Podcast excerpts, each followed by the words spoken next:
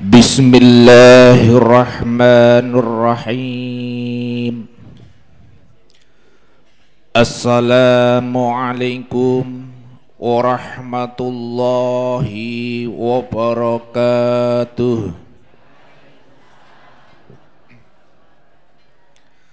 الحمد لله رب العالمين نحمده ونستعينه ونستغفره ونعوذ بالله من سرور أنفسنا ومن سيئات أعمالنا.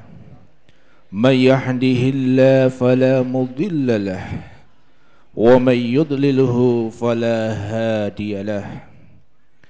أشهد أن لا إله إلا الله وأشهد أن محمدا عبده ورسوله لا نبي بعد ولا رسول.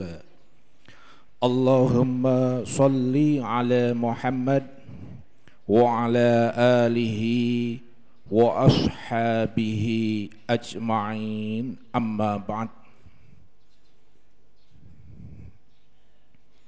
Jemaah pengajian Ahad pagi edisi 59 Majelis Tablik Muhammadiyah Cabang Bimbing Daerah Sukoharjo yang berbahagia. Pada pagi hari yang indah, pada pagi hari yang cerah ini, akan saya sampaikan susunan acara. Pengajian Ahad pagi edisi 59 hari Ahad 11 Ramadan 1439 Hijriah. 27 Mei 2018 Masehi yang pertama adalah pembukaan.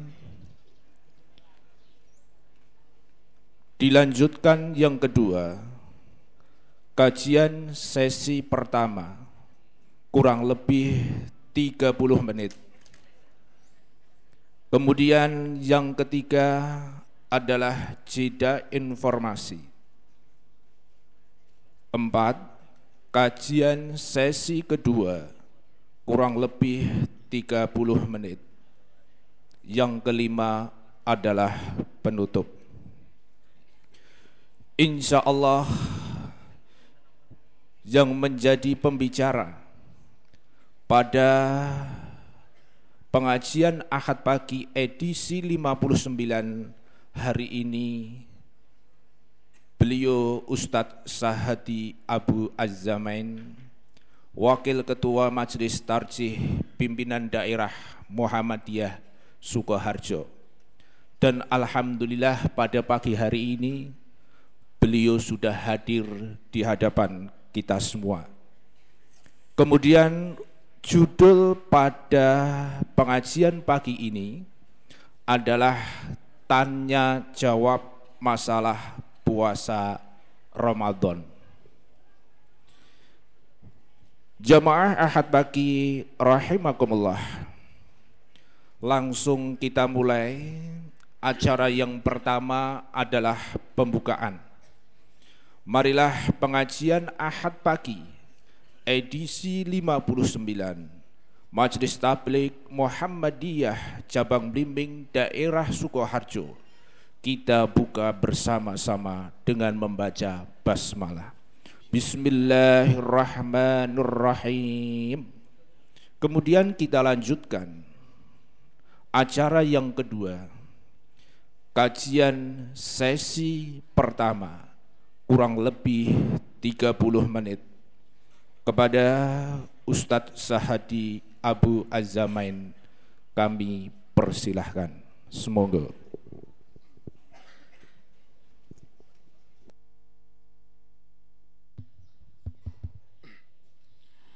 Bismillahirrahmanirrahim.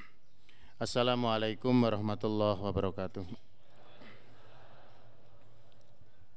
Innal hamdalillah nahmaduhu wa nasta'inuhu wa nastaghfiruh wa natubu ilaihi wa na'udzu bihi min syururi anfusina wa min sayyiati a'malina. Man yahdihillahu fala mudilla lahu wa man yudlilhu fala hadiya lahu.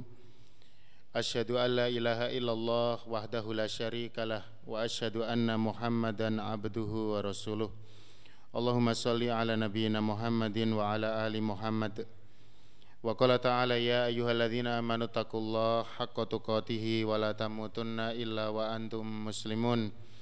وقال يا أيها الناس اتقوا ربكم الذي خلقكم من نفس واحدة.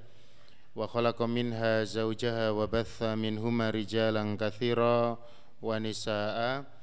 واتقوا الله الذي تساءلون به والأرحام. إن الله كان عليكم رقيبا. يا أيها الذين آمنوا اتقوا الله وقولوا قولا سديدا يصلح لكم أعمالكم ويغفر لكم ذنوبكم. ومن يطع الله ورسوله فقد فاز فوزا عظيما. أما بعد فإن أصدق الحديث كتاب الله.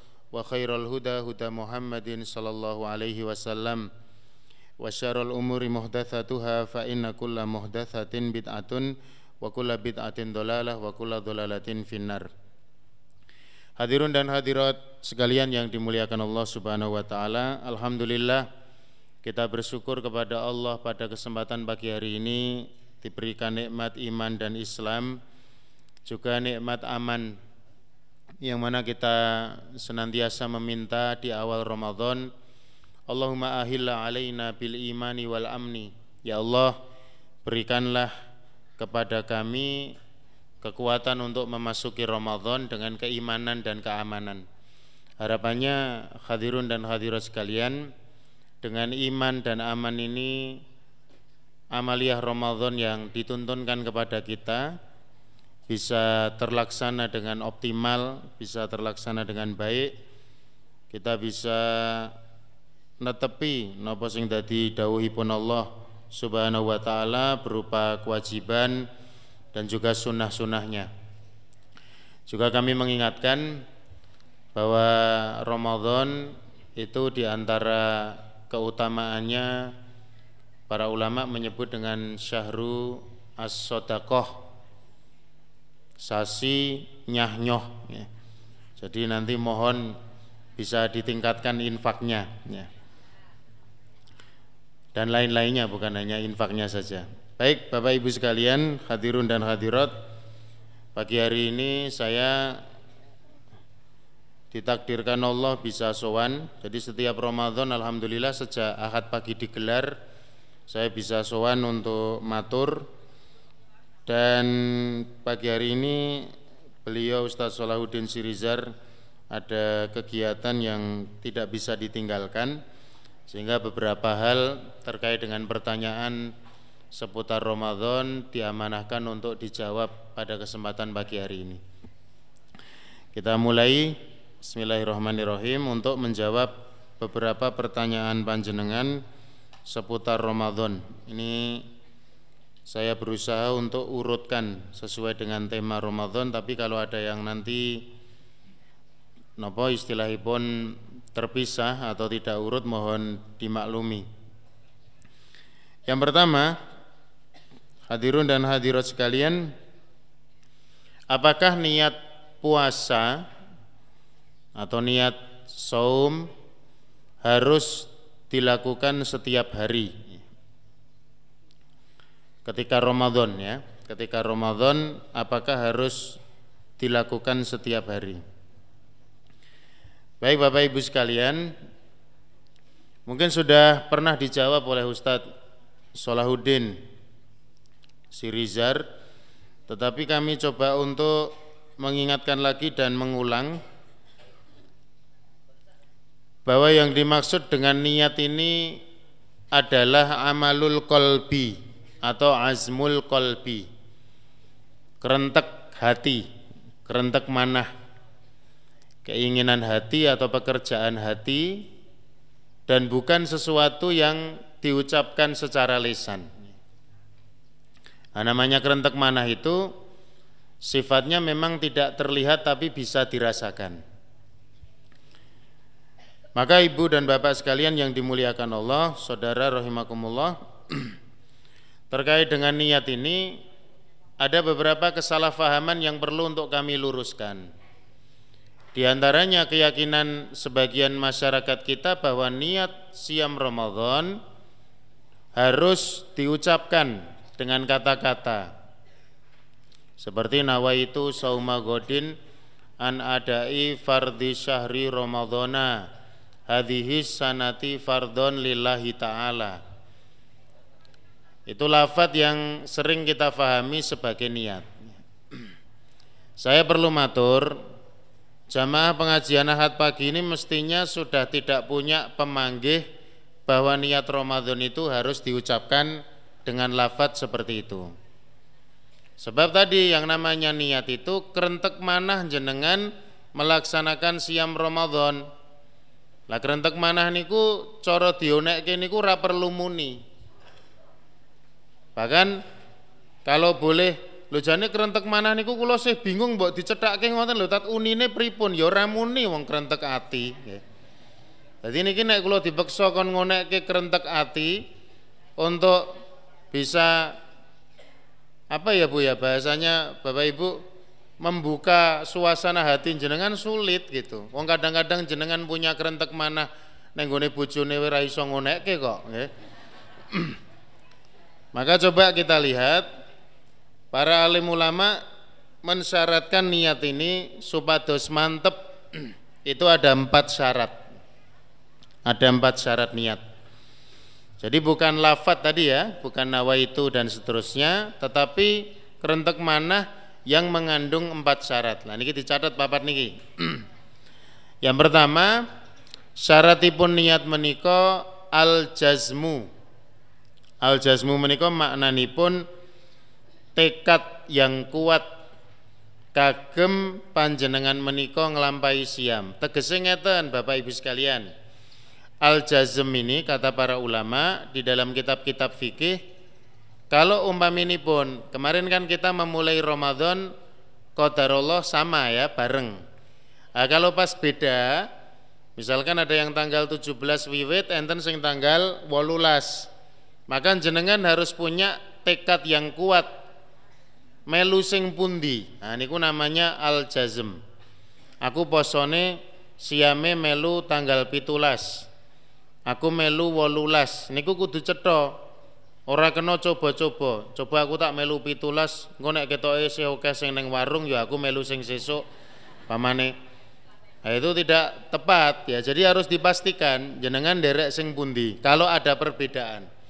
Tegese nek ora ana perbedaan berarti besok ditetapkan oleh Dewan Itsbat atau mungkin Majelis Tarjih dan Tajdid Muhammadiyah sudah mengumumkan jatuh pada tanggal 17 Mei.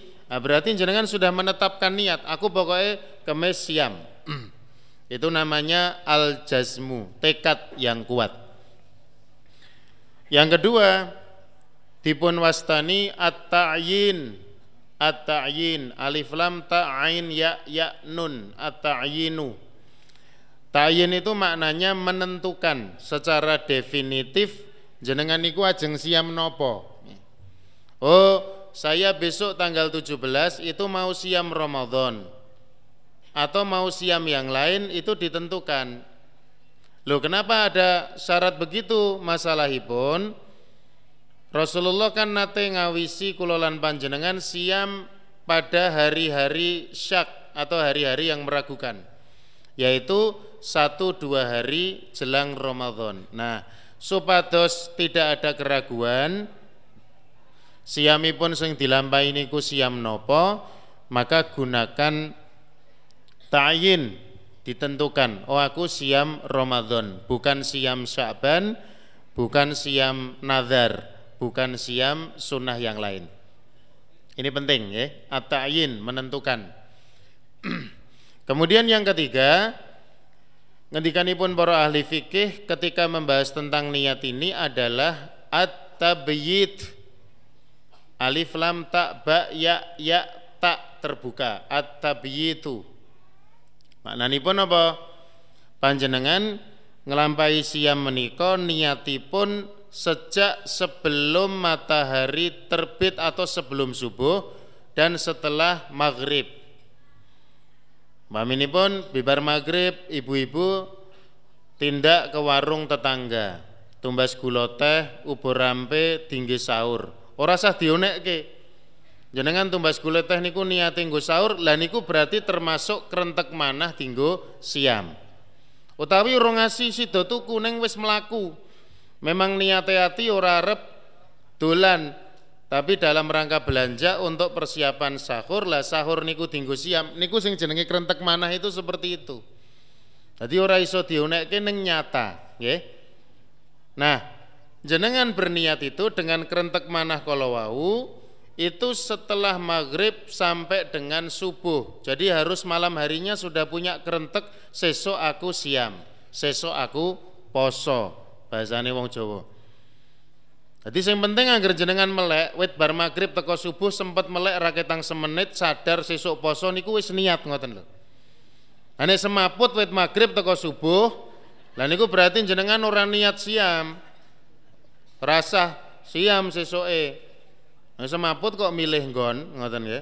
Milih waktu. Sebab Nabi Shallallahu alaihi wasallam ngendika wonten hadis ingkang sahih kasebat dalam riwayat Abu Dawud, Tirmidzi lan Ibnu Majah man lam yujmi asyam qoblal fajri fala siyamalahu piyayi sing boten niataken siam sebelum masuknya waktu subuh fala siyamalahu maka dia tidak sah siamipun niki makna sing rada galak makna sing rada empuk tidak sempurna siamipun Hati-hati ya, terkait siam ini memang sudah harus diniatkan pakai kerentek manah tadi. Ora kudu cepak-cepak nopo-nopo yang penting sadar. Oh, bar maghrib ada kerentek iya sesuk tanggal siji Ramadan. Aku poso pun muni ngoten niku atine. Niku sudah termasuk niat, ya. Kemudian syarat yang keempat ngendikanipun para alim ulama tajdi dunia likulli lailatin min Ramadan. Nah niki sing kaitanipun kalian pertanyaan tadi, apakah niat siam harus dilakukan setiap hari? Ternyata memang siam Ramadan ini unik ya karena hari pertama dengan hari kedua menikah kan terpisah syariatipun. Jadi biaya siam hari pertama rong karuan hari kedua iso siam melih pramilo maka setiap malam panjenengan harus meniatkan siam itu ya. Tajdid itu memperbaharui setiap malamnya. Maka tidak boleh terlewat. Nah, sebagian ulama kan nggak ada pemanggih ora popo diniat pisan. Malam siji Ramadan tinggu telung puluh dino dijamak. Nggih? Dijamak takdim. Niku niat sifatipun umum masalahipun belum tentu orang nanti umurnya tekan tanggal 29 atau telung puluh Ramadan. Sampun terbukti Ramadan ini jenengan pun layat pirang-pirang gon jadi memang enten piyayi sing sedo sak derenge Ramadan rampung. Wong ingin kowe rong karuan do iso buka kabeh nggih. Pokoke engko enek kabar layatan jamaah akad pagi nggih berarti jenengan niku ngoten nggih. Ya nek iso jenengan sing rada dhisik kula sing keri ngoten nggih Engko sing isi pengajian gen awet ngoten nggih. Nah, jamaah kan sudo-sudo siji loro kan rapati masalah ngoten. Nyet ustad niku urip oh nggih. Urip ben njaluk suwe ngoten. Nyun pangapunten Bapak Ibu sekalian. Jadi empat itu ya, ada satu namanya tadi al jasmu tekad yang kuat, yang kedua at-ta'yin menentukan siamipun menika menopo, yang ketiga tabyid malam hari sebelum subuh sak bibaripun maghrib. Yang keempat eh, apa tadi? Tajdi dunia likulli lailatin min Ramadan. Mengulang atau memperbaharui niat setiap malam pada bulan Ramadan. Jadi nanti tidak usah Pak. Ini masjid-masjid yang tasih ada ritual membaca nawaitu sauma godin an ada ifardi syahri ramadhana. Hadhihi sanati fardhon lillahi ta'ala niat ingsun poso ing sasi Ramadan anekani setahun iki tutu kok sedina sesuk. Lan sapi turutipun itu? Ndak usah. Ndak perlu. Ya. Ada satu komentar yang ditulis oleh ulama Syafi'i terkenal. Namanya Imam Abu Syamah. Dalam kitabipun Al-Ba'ith ala ingkaril bidak wal hawadith lafat-lafat nawaitu usoli ngeten iki secara rutinitas itu malah justru akan merusak niat. Sebab ngeten Ibu ada orang ngomong nawaitu sauma godin itu ndak ngerti dia maknanya utawa ngerti neng jane kerentek manahipun menika mboten enten. Jadi enten guru ngajarke bocah-bocah niat poso ki nawaitu sauma godin pamane nggih. Oh niat tayamumi nawaitu tayamuma li rafil hadatsil asghari fardhon lillahi taala. Itu dia ngomong begitu itu kadang-kadang malah kerentek manahipun menika ical. Maka Imam Abu Samah ngelek ke lafat-lafat niki Tungo-tungo yang seperti ini ini justru membahayakan eksistensi amalul kolbi atau asmul kolbi.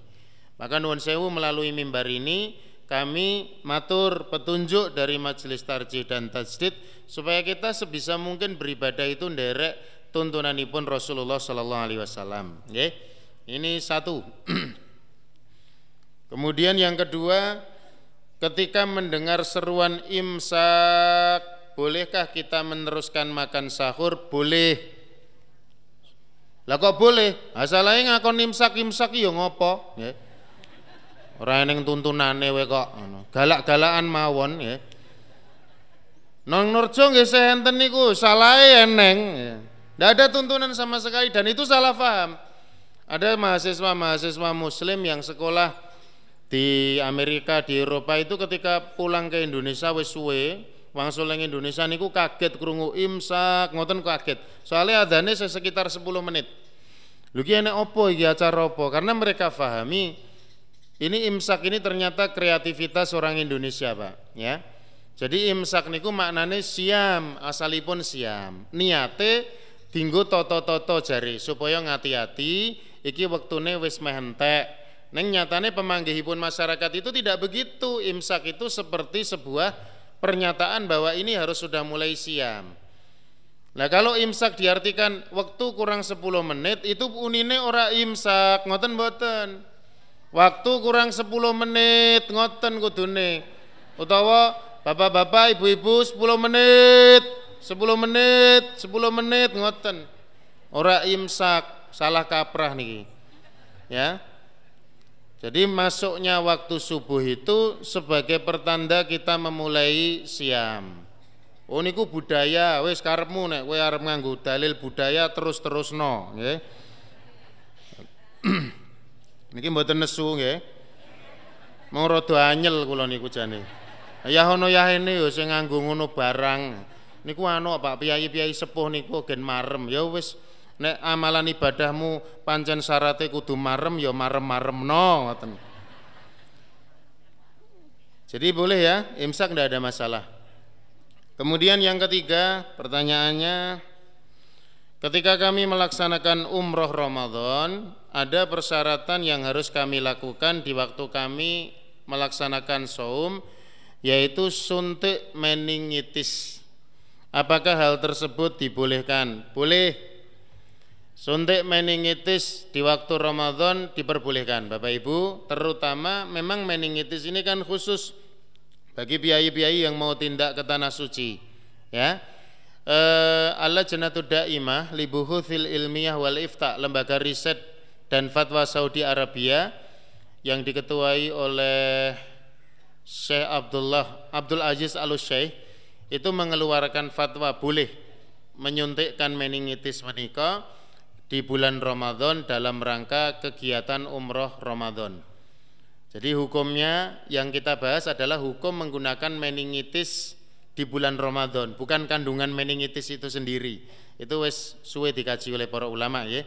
Jadi tidak ada masalah. Termasuk kegiatan-kegiatan suntikan-suntikan yang lain. Jadi suntikan yang tidak bersifat menambah energi seperti infus. Kalau infus mboten itu.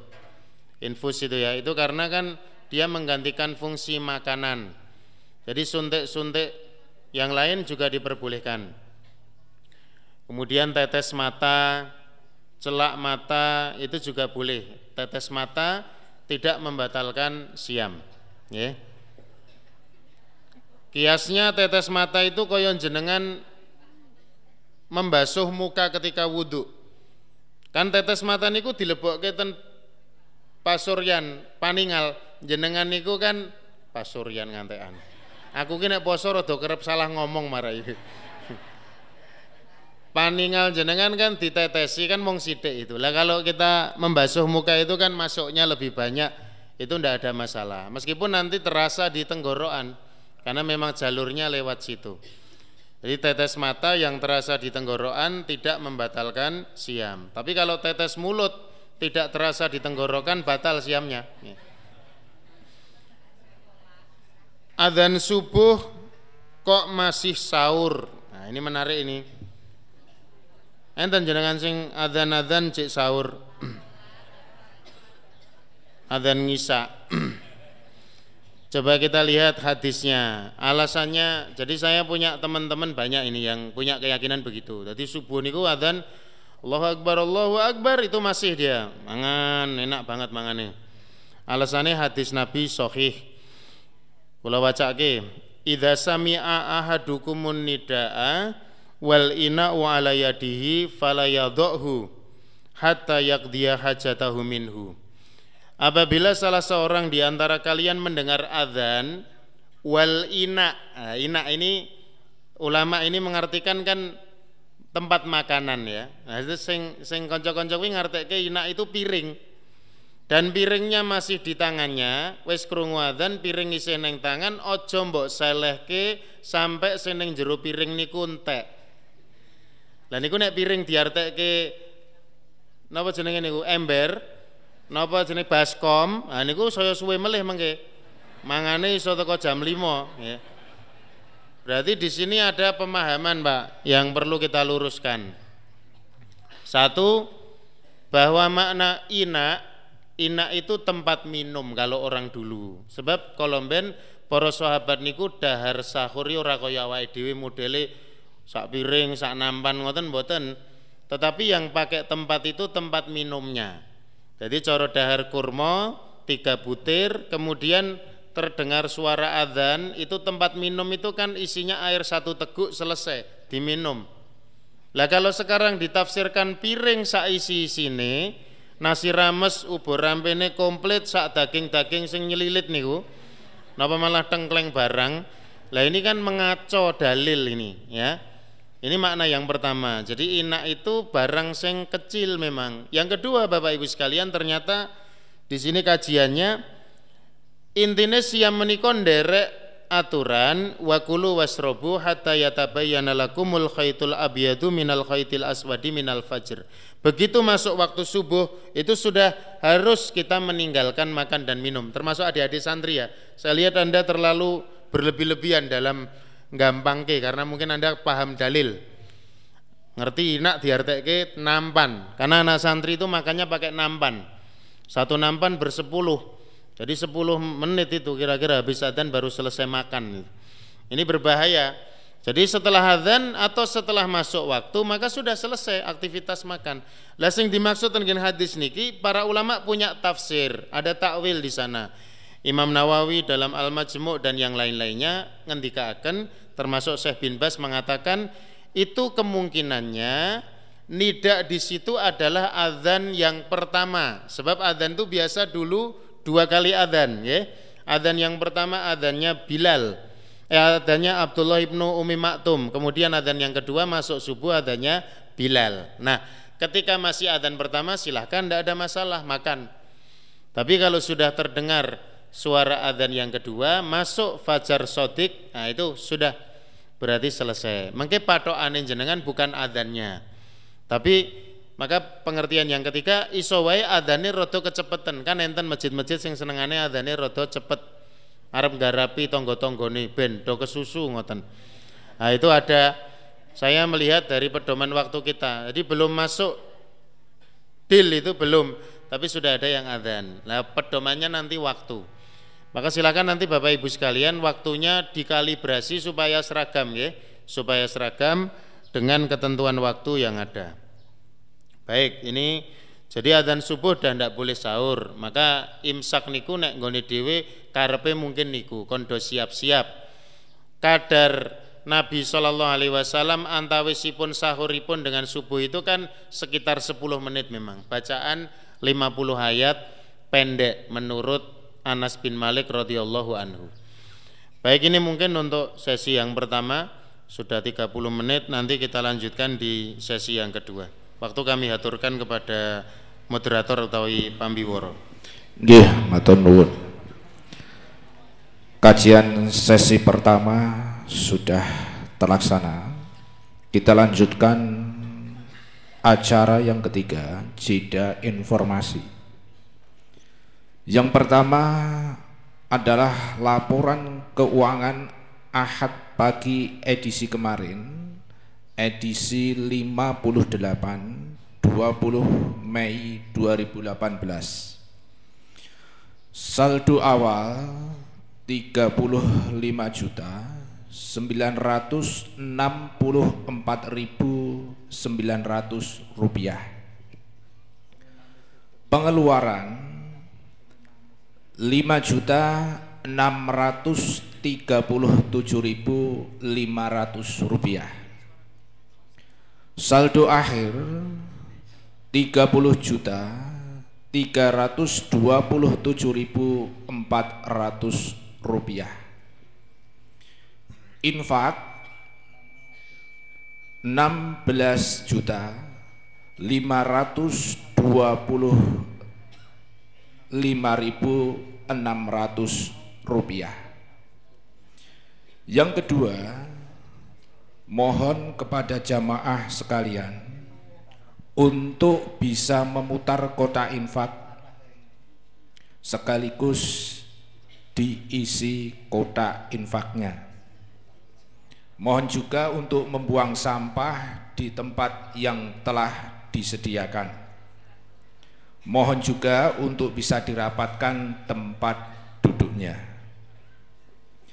Tiga, insya Allah setiap ahad keempat, kajian ahad pagi akan digunakan untuk tanya jawab agama. Jadi kepada jamaah bisa menuliskan pertanyaannya dan dikumpulkan ke dalam kotak infak yang diputar insya Allah akan dijawab oleh Ustadz Solahuddin Siriar LCMA.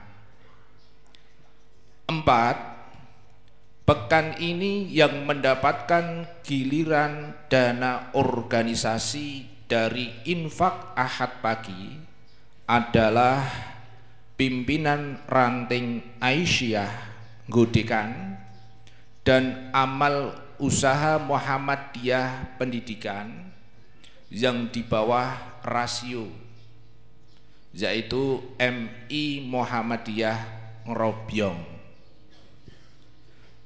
nanti setelah kajian bisa merapat di MC dari pimpinan ranting Aisyah Godekan maupun MI Muhammadiyah Ngerobyong lima bagi jamaah yang menghendaki stempel majlis tablik untuk keperluan tugas sekolah atau dinas bisa menghubungi Mas Khalid di meja presensi depan gerbang. 6 bagi jamaah yang hendak menyampaikan infak pembangunan masjid dapat menghubungi Bapak Haji Saifullah SE dengan nomor 085 647 066 877 7 dari lalismu. Untuk infak kotak ubah lajismu mohon isinya diserahkan dalam plastik dan diberi tulisan nama. Asal ranting nomor HP dan bila memungkinkan diberi nominal jumlahnya. Delapan informasi dari bidang dakwah pimpinan cabang pemuda Muhammadiyah Blimbing insya Allah akan menyelenggarakan sholat taraweh satu juz waktu 10 hari terakhir Ramadan bertempat di Masjid Pontren Imam Suhodo.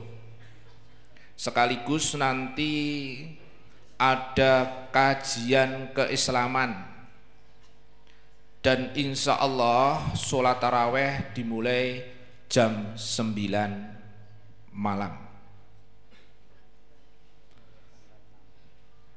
Sembilan Informasi pengajian Ahad pagi pekan depan edisi ke-60 Ahad 3 Juni 2018 Insya Allah pembicara dari pimpinan pusat Muhammadiyah yaitu beliau Ustadz Godwill Zubir. Jamaah Ahad Baki rahimakumullah Demikianlah jeda informasi pada pagi hari ini pada acara yang ketiga. Kemudian langsung saja jamaah rahimakumullah Kita lanjutkan acara yang keempat yaitu kajian sesi kedua. Kurang lebih 30 menit.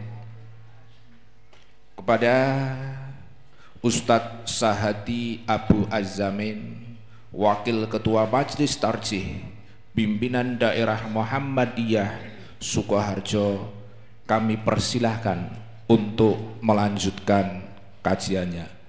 Terima kasih Baik, kita lanjutkan ya, Bapak Ibu sekalian. Pertanyaan yang berikutnya, yang kelima, adakah perkara-perkara yang tidak membatalkan saum yang biasa dilakukan orang diyakini membatalkan siam? E, jadi Bapak Ibu sekalian, enten perkawis-perkawis yang sebetulnya tidak membatalkan siam. Tapi sebagian masyarakat kita masih punya keyakinan dia membatalkan siam Ramadan. Yang pertama orang yang tidur kemudian bangun-bangun dia sudah junub atau mimpi basah. Ini ada sebagian yang tasnya nggak ada pemanggih siamnya batal. Ya, jadi tidak kalau posisinya tidur mimpi basah itu bangun-bangun entah dia tidur malam atau tidur siang, mungkin tidur malam bangunnya kesiangan, tidur siang, bangunnya kemalaman, itu tidak membatalkan siamnya. Nabi Shallallahu Alaihi Wasallam dari hadis Ummu Salamah, Anna Rasulullah Shallallahu Alaihi Wasallam kana yudrikuhul fajru wa huwa junubun min ahlihi thumma yaktasilu wa yasum. Sesungguhnya Nabi Shallallahu Alaihi Wasallam nate menangi. Ya, bahasanya menangi waktu subuh pada awal subuh itu dalam keadaan junub karena berkumpul kalian garwanipun. Kemudian beliau mandi dan beliau memulai siamipun. Jadi tidak ada masalah terkait dengan siam dan kemudian seseorang itu mimpi basah. Yang kedua yang tidak membatalkan siam mencium istri dan bercumbu dengannya. Mohon maaf ini khusus untuk yang punya istri. Jika aman dari keluarnya mani. Jadi boleh saja mencium istri di waktu saum, tapi tali kendalinya harus kenceng ini ya. Kalau sampai keluar mani ah, batal. Tapi kalau cuman keluar madhi, ah, itu mengurangi pahala siam sebab dia bersyahwat tetap siami pun tidak batal ini kan ganjarannya sudah. Tuntutan siam itu di antaranya adalah menahan syahwatnya. E, Nabi Shallallahu Alaihi Wasallam karena Nabi Shallallahu Alaihi Wasallam yukob bilu e, wa yubasiru wa huwa soim Nabi pernah mencium istri dan nun sewu mencumbuinya pada kondisi siam. Wa kana amlakukum li irbihi. Dan Nabi itu memang paling kuat untuk menahan hawa nafsunya. Jadi biasa Rasulullah itu mencium istrinya pada saat siam. Bapak-bapak gimana? Pernah enggak mencium istri di waktu siam? Di waktu malam enggak siam aja enggak pernah ya. Bu-ibu tenang saya sampaikan suara hati jenengan ya. Iki ustadznya mak comblang hasil ini nih. Jadi boleh-boleh saja tidak ada masalah. Kemudian yang ketiga, yang tidak membatalkan siam mandi mandi guyur dengan air untuk mendinginkan badan. Jadi usaha kagem supados badan itu segar, tidak haus itu boleh, boleh saja. Bahkan para ulama berenang itu boleh selama bisa menjaga tidak kolu. Ya.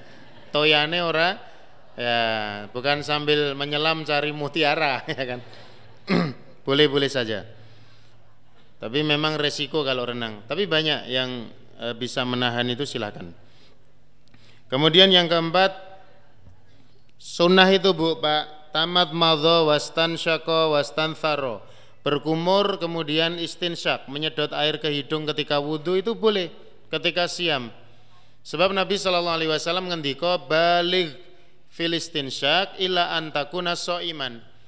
Seriuslah kamu dalam istinsyak tegese kon nyedot banyu niku tenanan kejobo yen siam Berarti yang siam entuk nyedot banyu neng ojo tenanan-tenanan. Ngaten. Maknanya begitu. Kumur boleh. Lah ini juga para ulama mengkiaskan dengan tetes mata tadi. Orang kumur itu kan air masuk, masuk ke mulut dan ada nggak air yang tersisa di mulut itu? Pasti ada. Melebu seliter metu 100 ml niku biasa. Sengkeri 100 ml. Neng kelrine nenggon rongga-rongga mulut. Ora dilek sithik ngoten mboten. Lah itu boleh saja. Jadi berkumur ya. Kemudian mencicipi makanan selama tidak masuk ke kerongkongan. Ini kekhususan ibu-ibu. Bapak-bapak nggak tahu ada yang bisa ndak. Kalau saya mencoba seumur-umur sulit. Nyicipi kok orang bablas ya. Tidak afdol itu. Kemudian berbekam, boleh ya. Bekam, donor darah, transfusi itu boleh selama yakin dengan berbekam lan donor darah meniko tidak ndadosaken lemes itu diperbolehkan. Silakan ketika siam. Tapi kalau khawatir nanti lemes atau malah non sewu mokah nah itu ndak boleh. Wis ngerti nek dibekam niku mengke biasanya bar dibekam tele-tele golek jalaran. Bekam beniso buko nah ndak boleh. Hadis-hadis yang mengatakan aftarul hajim wal mahjum Berbukalah orang yang membekam dan dibekam itu semuanya adalah hadis yang doif ya. Jadi tidak bisa dipakai untuk ketentuan hukum ini. Kemudian bersiwak, gosok gigi boleh. Cuman nek bar duhur niki Imam Syafi'i mengatakan makruh. Nek saderenge duhur jenengan gosok gigi ndak apa-apa, bagus. Tapi kalau pakai siwak juga boleh, siwak kayu itu Pak ya, arok, kayu arok atau kayu ud kalau habis duhur makruh, makruh itu tidak haram. Cuma nek bar duhur niku kan biasanya memang roto nikmat sikatan niku, ya. Terutama jam-jam 2, jam 3 itu. Nah, itu agak sebaiknya dihindari.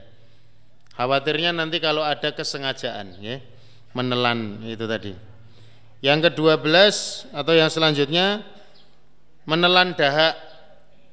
Dahak niku perso ya. Oke itu. Berarti rada enten itu-itu sing rada asin-asin nika. Nah, dilek. Ngeten.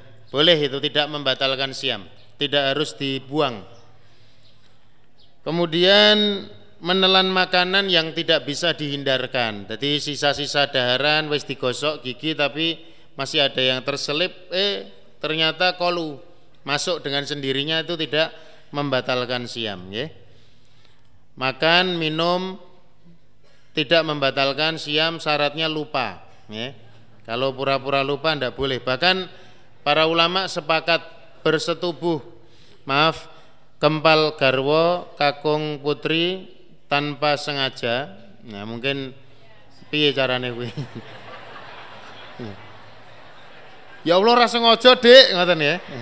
Itu apa namanya? tidak batal. Baik, lanjut lanjut setengah jam.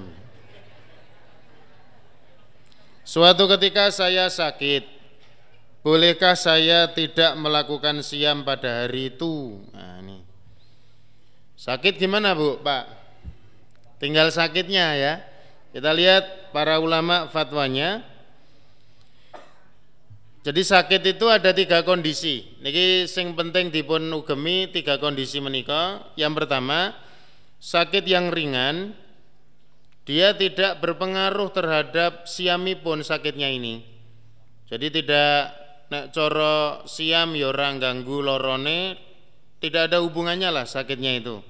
Itu maka orang yang seperti ini harus siam. Jadi bahasanya harus. Ternyata famangkana minkum maridon aw ala safarin fa'iddatun min ayamin ukhor. Maridon di situ sakit itu ada kriterianya. Jadi sakit-sakit sing ringan, boso panu, kadas, kurap, napa malih? Flu, flu ringan ya. Flu ringan, batuk-batuk ringan, pilek itu ringan. Itu tidak masalah. Tidak mengganggu siami pun tidak masalah. Bagi aku nek watuk nek ramangan ini jangan mati lah niku nek watuk ora kelebon banyu mati lah niku baru. Berarti batuk yang parah itu. Tapi kalau sekedar watuk biasa mergo kokean udut lah niku Nah, maaf Pak ya, itu tidak ada masalah. Jadi harus tetap siam. Yang kedua, ada kajian begini, kalau sakitnya itu lumantar siam meniko bertambah parah atau paling tidak coro iki nek goro-goro poso marine rodok suwe. Jadi ada penyakit nek ora siam niku telung dino iso mari, neng nek siam dadi seminggu. Nah, jadi siam itu menjadikan sakitnya tambah parah atau sembuhnya agak lama, maka disunahkan malahan untuk tidak siam. Jadi makruh siam karena siam itu akan mendatangkan madorot. Loh saat ini umpami enten biayi gerah sakit ya dia. Kemudian dia kalau siam dia malah jadi sakitnya itu tambah lama. Berarti kan siamnya tidak optimal. Sementara kalau dia tidak siam, dan cepat mari, gendang iso siam meleh, kemudian nanti siamnya bisa optimal karena dia kondisinya sehat. Maka yang seperti ini supaya disembuhkan dulu penyakitnya. Tapi ini ada kajiannya ya, melalui diagnosa dokter atau mungkin melalui petunjuk orang-orang yang paham tentang kesehatan. Tapi nek sekiranya loro kulo nek poso malah mari siam, tetap siam ya karena siam itu satu sisi secara medis memang mempunyai nilai untuk menyembuhkan. lah kalau ada orang sakit yang membuat dirinya berat untuk siam dan membahayakan kesehatan seperti beberapa sederek kita hari ini opnam di rumah sakit sama dokter muslim yang terpercaya dipun ngendikani orang untuk siam karena ada kaitannya dengan asupan gizi, asupan obat dan sebagainya maka orang tersebut haram untuk siam. Jadi tetap harus berbuka supaya kesembuhannya itu segera bisa diharapkan. Baik. Ini apa namanya terkait dengan orang sakit. Berarti mangke sing ngitungke panjenengan piyambak ini ya, kira-kira. Tapi secara umum nek mong loro-loro sing ringan ya, masuk angin itu saya kira siam ndak ada masalah itu. Enten sing kondo wah masuk angin sebabnya mergo poso, Pak. Mboten dileboni panganan akhirnya angin sing mlebu. Nggih enten sing alasan ngoten niku. Keroki engko jari batal, Pak. Berarti keroki biasanya terus luwe nggih. Kemudian fenomena safar di bulan Ramadan. Pertanyaannya banyak kaum muslimin itu justru di bulan Ramadan malah mengadakan safar entah itu mudik di akhir Ramadan atau di tengah Ramadan atau di awal. Bahkan fenomena di beberapa tempat safar itu dilaksanakan sewaktu-waktu justru di bulan Ramadan supaya bisa berbuka. Jadi Bapak Ibu kalau ada orang menyengaja safar supaya iso buka itu dia berdosa. Intinya mengotan dan kemudian nanti famangkana minkum maridon au ala safarin dia tetap harus mengganti faidatun min ayamin ukhor diganti pada hari yang lain. Tapi dia bermaksiat kepada Allah karena sengaja safar meskipun entuk bukoni ku mengkentuk neng itu so sebab golek bukoni bukan golek safari. Tapi kalau ada orang safar kemudian pada safar itu berbuka lah ini yang kita coba kaji Safar itu punya tiga kondisi ya. tiga keadaan. Yang pertama orang yang safar berat. Nah, safarnya memang jarak jauh, perjalanan darat, mobilnya non AC, pun ya. Jalannya juga tidak enak. Nah, itu dia berat untuk bisa melaksanakan siap bahkan kalau siap malah akan menjadikannya tidak bisa melaksanakan kewajiban atau kebajikan Onek poso malah orapati konsentrasi malah membahayakan. Maka dalam kondisi seperti ini musafir sengeten iki lebih baik tidak melaksanakan siam. Pernah ya ada satu riwayat saya bacakan dalam hadis Jabir bin Abdullah radhiyallahu anhu. Ada suatu perjalanan Nabi menika perso enten piyayi suk-sukan. Kemudian ada seorang yang apa namanya berteduh begitu, ya kaya dirubung wong ngoten. Kemudian Nabi tanya, "Lu ki ngopo?" Para sahabat bertanya, dia sedang siam. Maka Nabi ngendika, ketok tele-tele niko. Laisa minal birri asaumu fis safar. Bukan merupakan kebaikan siam di waktu safar. Kalau siam itu menjadikan maudorot sampai mangar-mangar raine, coro nyopir malah raiso jejek menggak-menggok terus kan malah repot itu. Nah itu itu supaya dia apa namanya e, bisa berbuka saja. Ada sebuah hadis Nabi Shallallahu Alaihi Wasallam, dahabal muftirun al yauma bil ajri. Orang yang safar kemudian dia iftar buka karena kondisi safarnya yang berat dia tetap mendapat pahala. Selama dia memang awalnya meniatkan safar untuk bisa saum. Eh bae ora kuat kemudian dia mokah.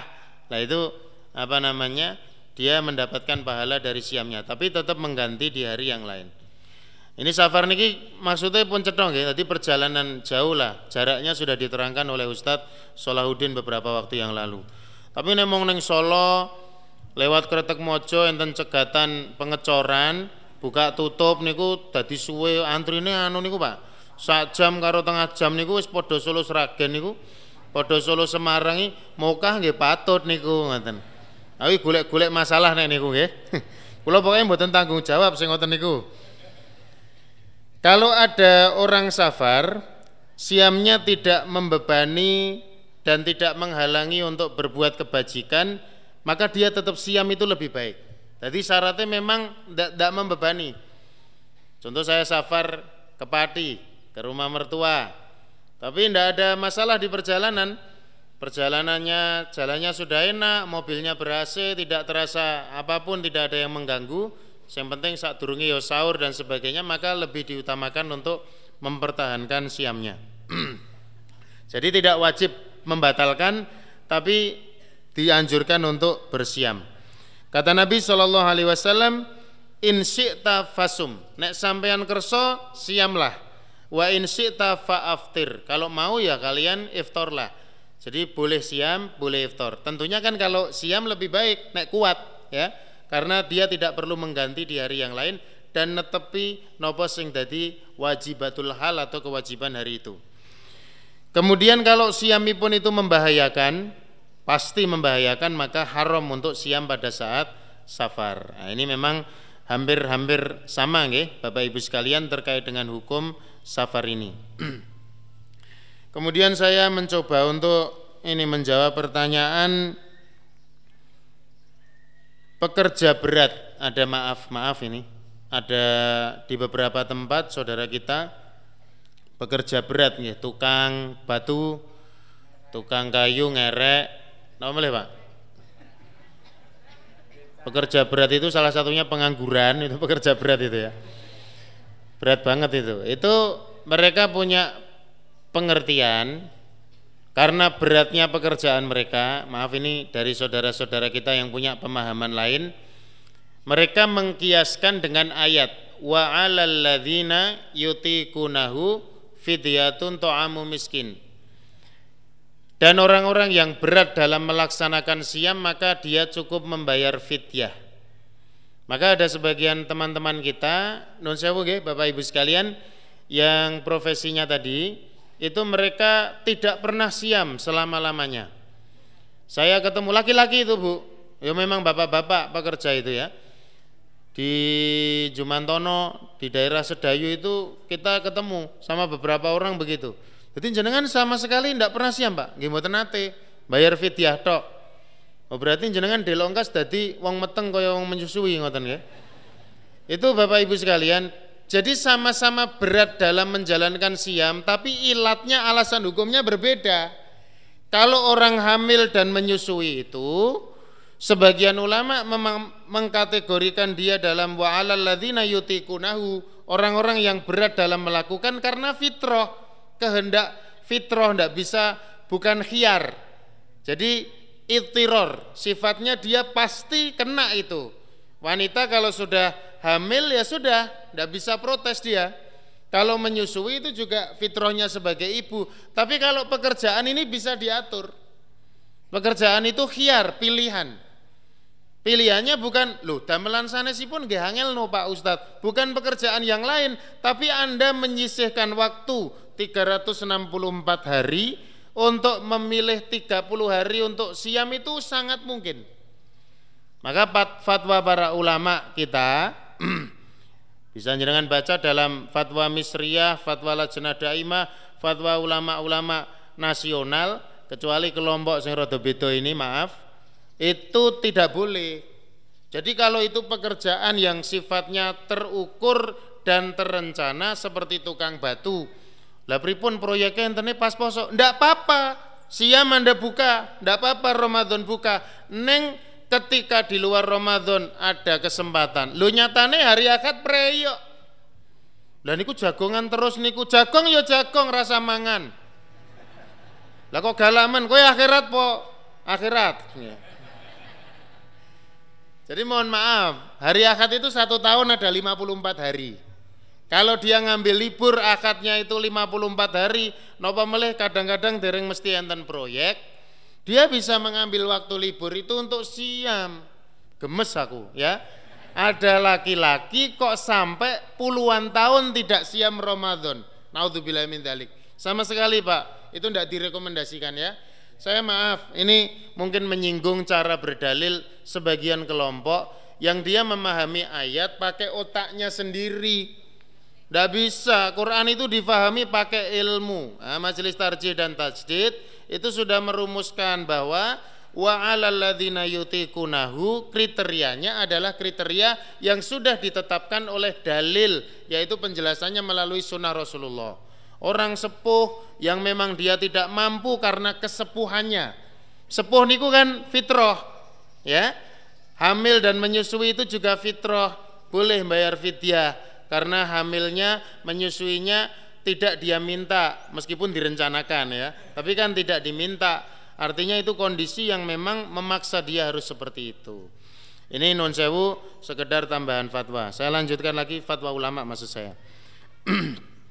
Kemudian masalah keragaman praktek taraweh ini ada beberapa pertanyaan pak. Tapi pertanyaannya ya pun nate kita kaji.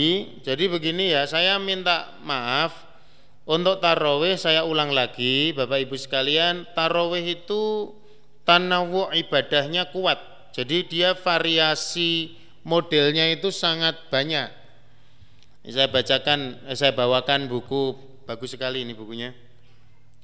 Salat tarawih tinjauan usul fikih, sejarah dan fikih karya ulama kita ini, Profesor Dr. Samsul Anwar MA, Ketua Majelis Tarjih dan Tajdid Pimpinan Pusat Muhammadiyah. Beliau menulis dalam halaman 121 ada keragaman praktek sholat tarawih. Saya bacakan ya. Macam-macam sholat tarawih. Satu. Niki dereng sing 11 rakaat, sing liyane sik.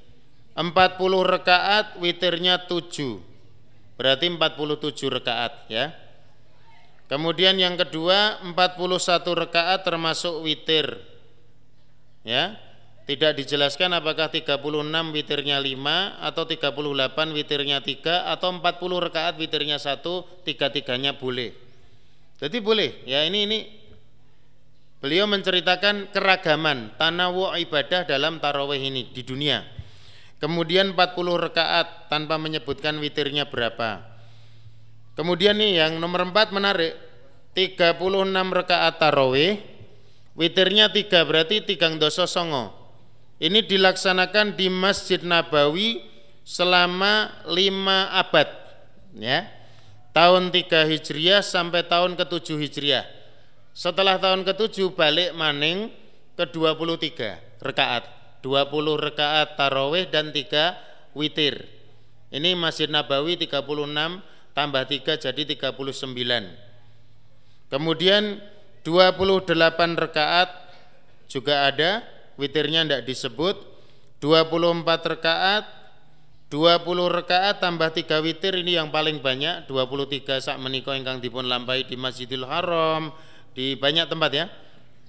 Ada juga 16 rekaat ada yang terakhir beliau sebut 11 rekaat termasuk witirnya yang biasa kita lampahi jadi masalah rekaat tarawih ini tidak boleh ribut umat Islam hanya kita memang pakemnya kenapa kita pilih 11 sudah disampaikan oleh Ustadz Sirizar. Paling dekat dengan prakteknya Rasulullah itu 11.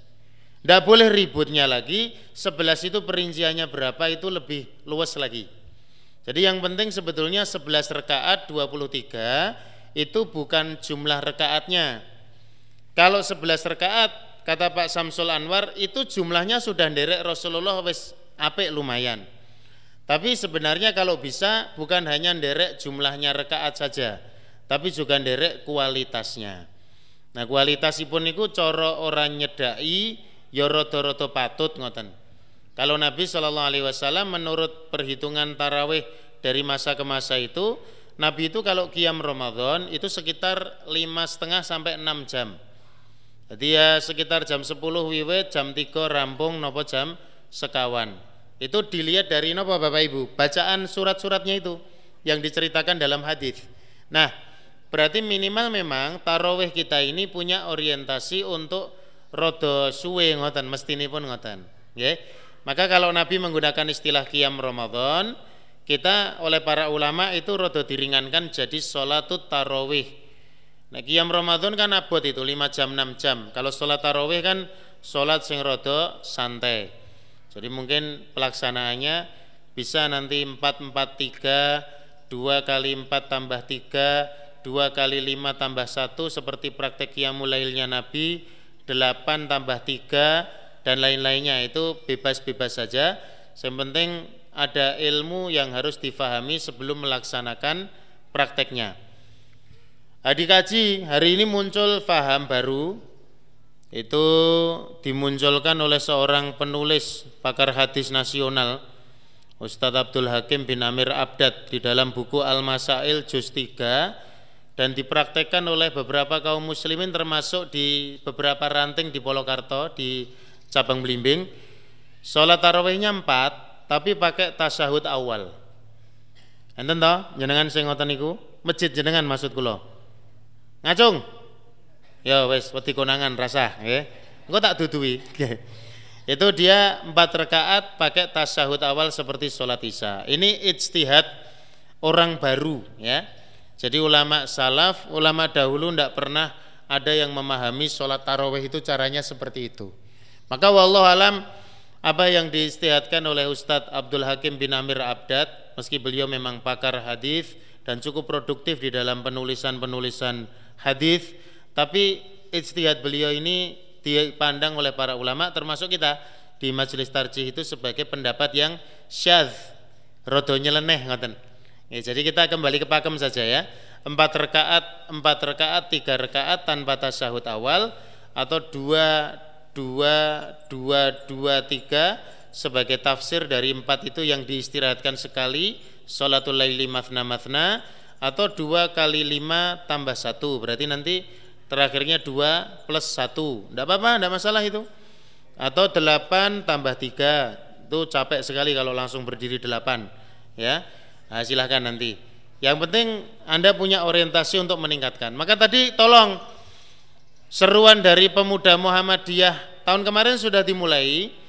Satu malam satu juz jam 9 mulai. Rampungnya jam setengah sebelas sosok jam sebelas kurang seperempat sosok jam 11 kurang 5 tergantung imamnya dan lama istirahatnya. Itu tarawih itu agak santai itu. Jadi sholatnya suwe neng pati kesel. Kecuali memang sing tukang kesel nggih kesel. Itu ndak capek karena ada jedanya, Bu, ya. Pak, ada jeda untuk wedangan dicepai, gorengan macam-macam di belakang itu ada kopi, ada teh. Jadi salam dua-dua itu. Kalau empat-empat tele-tele. Dua-dua salam, dua salam istirahat lima menit biasanya. Lima menit itu jenengan Arab toyan se, wudhu meleh, ngopi-ngopi sih boleh. Ngopi kebablasan ramelu rekaat berikutnya yo kebangetan. Mosok moro gor golek kopi ngoten. Lho kok diomongke apa enek-enek.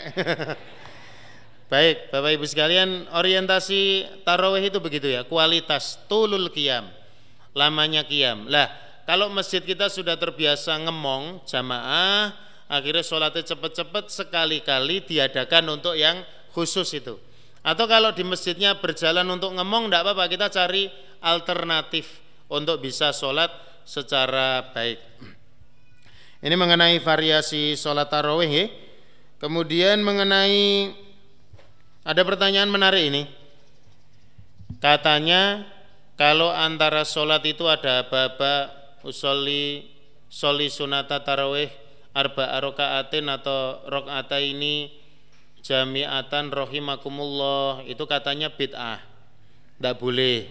Tapi kok malah perintahnya pakai bahasa Jawa? Monggo kita sami sholat tarawih. Kalih-kalih katanya tidak bid'ah ini bagaimana jadi begini Bapak Ibu sekalian bid'ahnya itu atau kalau Muhammadiyah menggunakan istilah ghair masru' tidak disyariatkan itu bukan karena pakai bahasa Arab atau pakai bahasa Jawa bukan jadi yang menjadikan itu ritual kemudian itu menjadi rutinitas lah itu bahaya. Saat ini pemakula mimpin sholat tarawih saya biasa angger ajeng tarawih ngoten niko madep ke jamaah. Kulo beda-beda omongan kulo, sosok monggo sholat tarawih. Sosok sholat tarawih ngoten tok wis do mudeng. Sosok mong mesem tok wis do mudeng. Sosok monggo ngoten wis mudeng. Sosok tarawih rahimakumullah itu kan beda-beda, berarti bukan ritual, bukan rutinitas. Ibadah itu rutinitasnya itu. Tapi nek kudu pakem soli sunata tarawih arba rokaatin jamiah rahimakumullah nganggo jawabane barang jawabane beda-beda, beda nggon beda jawaban. Ya Rasulullah, as-salatu la ilaha illallah. As-salatu ala waktiha, kula kan ngoten. Lho sampean sing ngajari sapa? Lah sampean ya sapa? Nggih. Lah padha-padha jawab ya sak kecekel kula. itu saya diseneni loh As-salatu la ilaha illallah Enten sing la ilaha illallah Muhammadur Rasulullah Awas salatu ala waktiha Jan ustadz nyeleneh ya. Mergone dewe tadi diarani nyeleneh Itu tidak masalah sebetulnya perintah-perintah begitu. Tapi kalau soli sunnah Itu kan ritual itu. Tapi ini awal besok nganggo seorang tidak ada masalah. Go salat tarawih Sekawan-sekawan tiga Empat-empat tiga Boleh ya. Ada di pondok itu kemarin 442 formasi bal-balan itu 442 imame itu ya. baik ini Bapak Ibu sekalian mau jane ajeng kula tutuk nih toko setengah walu neng kali moderator 30 menit lagi. Alasan nih Pak Dunia tele-tele nih ya kita eh geseng penting-penting niku sama mungkin untuk wanita hamil dan menyusui ini kan tiap tahun ditanyakan. Anda prinsipnya begini Orang hamil menyusui itu kondisi bayar fidyah sama kodok itu kan ada kemungkinan semua. Sebab dia dikiaskan dengan famangkana minkum maridon au ala safarin bisa. Dikiaskan dengan wa alal ladzina yutikunahu juga bisa. Maka Bapak Ibu sekalian, sing penting memang buat para ummahat, para ibu yang hamil dan menyusui tidak kehilangan momentum dan fitrah untuk melaksanakan siam Ramadan. Saya dulu pernah contohkan ya, ketika ada seorang hamilnya rutin setiap dua tahun melahirkan, padahal putranya sampai enam orang, berarti 12 tahun lebih. Itu jangan sampai terjadi rong rolas tahun itu rata usiam, terus nanti tahun ke-13 ketika sudah ndak hamil, aku kok poso koyo abot banget yo. Koyo wis lali rasane. Nah, padahal meteng ora lali rasane nggih tapi poso lali rasane misalkan. Nah, ini yang berbahaya di situ. Maka sebagian ulama bahkan mengatakan afdolnya nek iso kemudian kodok silahkan. Ada pertanyaan kemarin, lah fidyahnya itu pripun tat? Wong ngertine fidyah niku bar wis bar niku rencana ajeng nyaur, ajeng kodok. Eh bareng arep kodok niku bae disundul adine. Akhirnya mboten sida kodok. Kodok niki kodok bahasa Arab maksudnya nggih. Kodok itu menyaur mengganti. Nah sing disundul adine wo kodok. Nah ini maaf. Jadi Bapak Ibu sekalian apa namanya ketika disundul seperti itu akhirnya kan mutusi fidyah. Lha niki kula pripun niki ajeng nyaur mboten iso. Sebab disundul saya hamil ndak bisa saya siam. Maka fidyah ndak apa-apa. Fidyahnya ya waktu itu setelah lebaran. Nanti kapan-kapan bisa didudukkan itu. Jadi fidyatu to'amu miskin itu dilaksanakan di akhir Ramadan yang afdol atau boleh ditunda setelah lebaran melihat situasi dan kondisi. Jadi tidak masalah ya. Silakan ibu-ibu yang masih produktif itu untuk berusaha berusaha untuk siam. Kalau istri saya itu tetap tak minta siam. Tidak kuat. Nah, dia tidak kuat itu wa alalladzina yutikunahu, tidak kuat dia nanti bayar fidyah. Tapi untuk menjaga fitrah dia dia tak minta juga kodok jadi memang dua-dua lah kok rekoso dadi wong wedok wo ganjarane wong wedok luwih gede Pama wong lanang iso ganti ngoten pilih kok nggih ngoten men sementara niki kajian kita pada pagi hari ini seputar fikih Ramadan mudah-mudahan bisa bermanfaat untuk memperbaiki amaliyah Ramadan kita saya matur nggih orientasi kita dalil ya jadi bukan bukan yang lain-lain Mudah-mudahan bisa bermanfaat. Mohon maaf. Assalamualaikum warahmatullahi wabarakatuh. Terima kasih. Saya sampaikan kepada Ustadz Sahadi Abu Azaman yang telah menyampaikan beberapa hal kaitannya dengan tanya jawab pada Ahad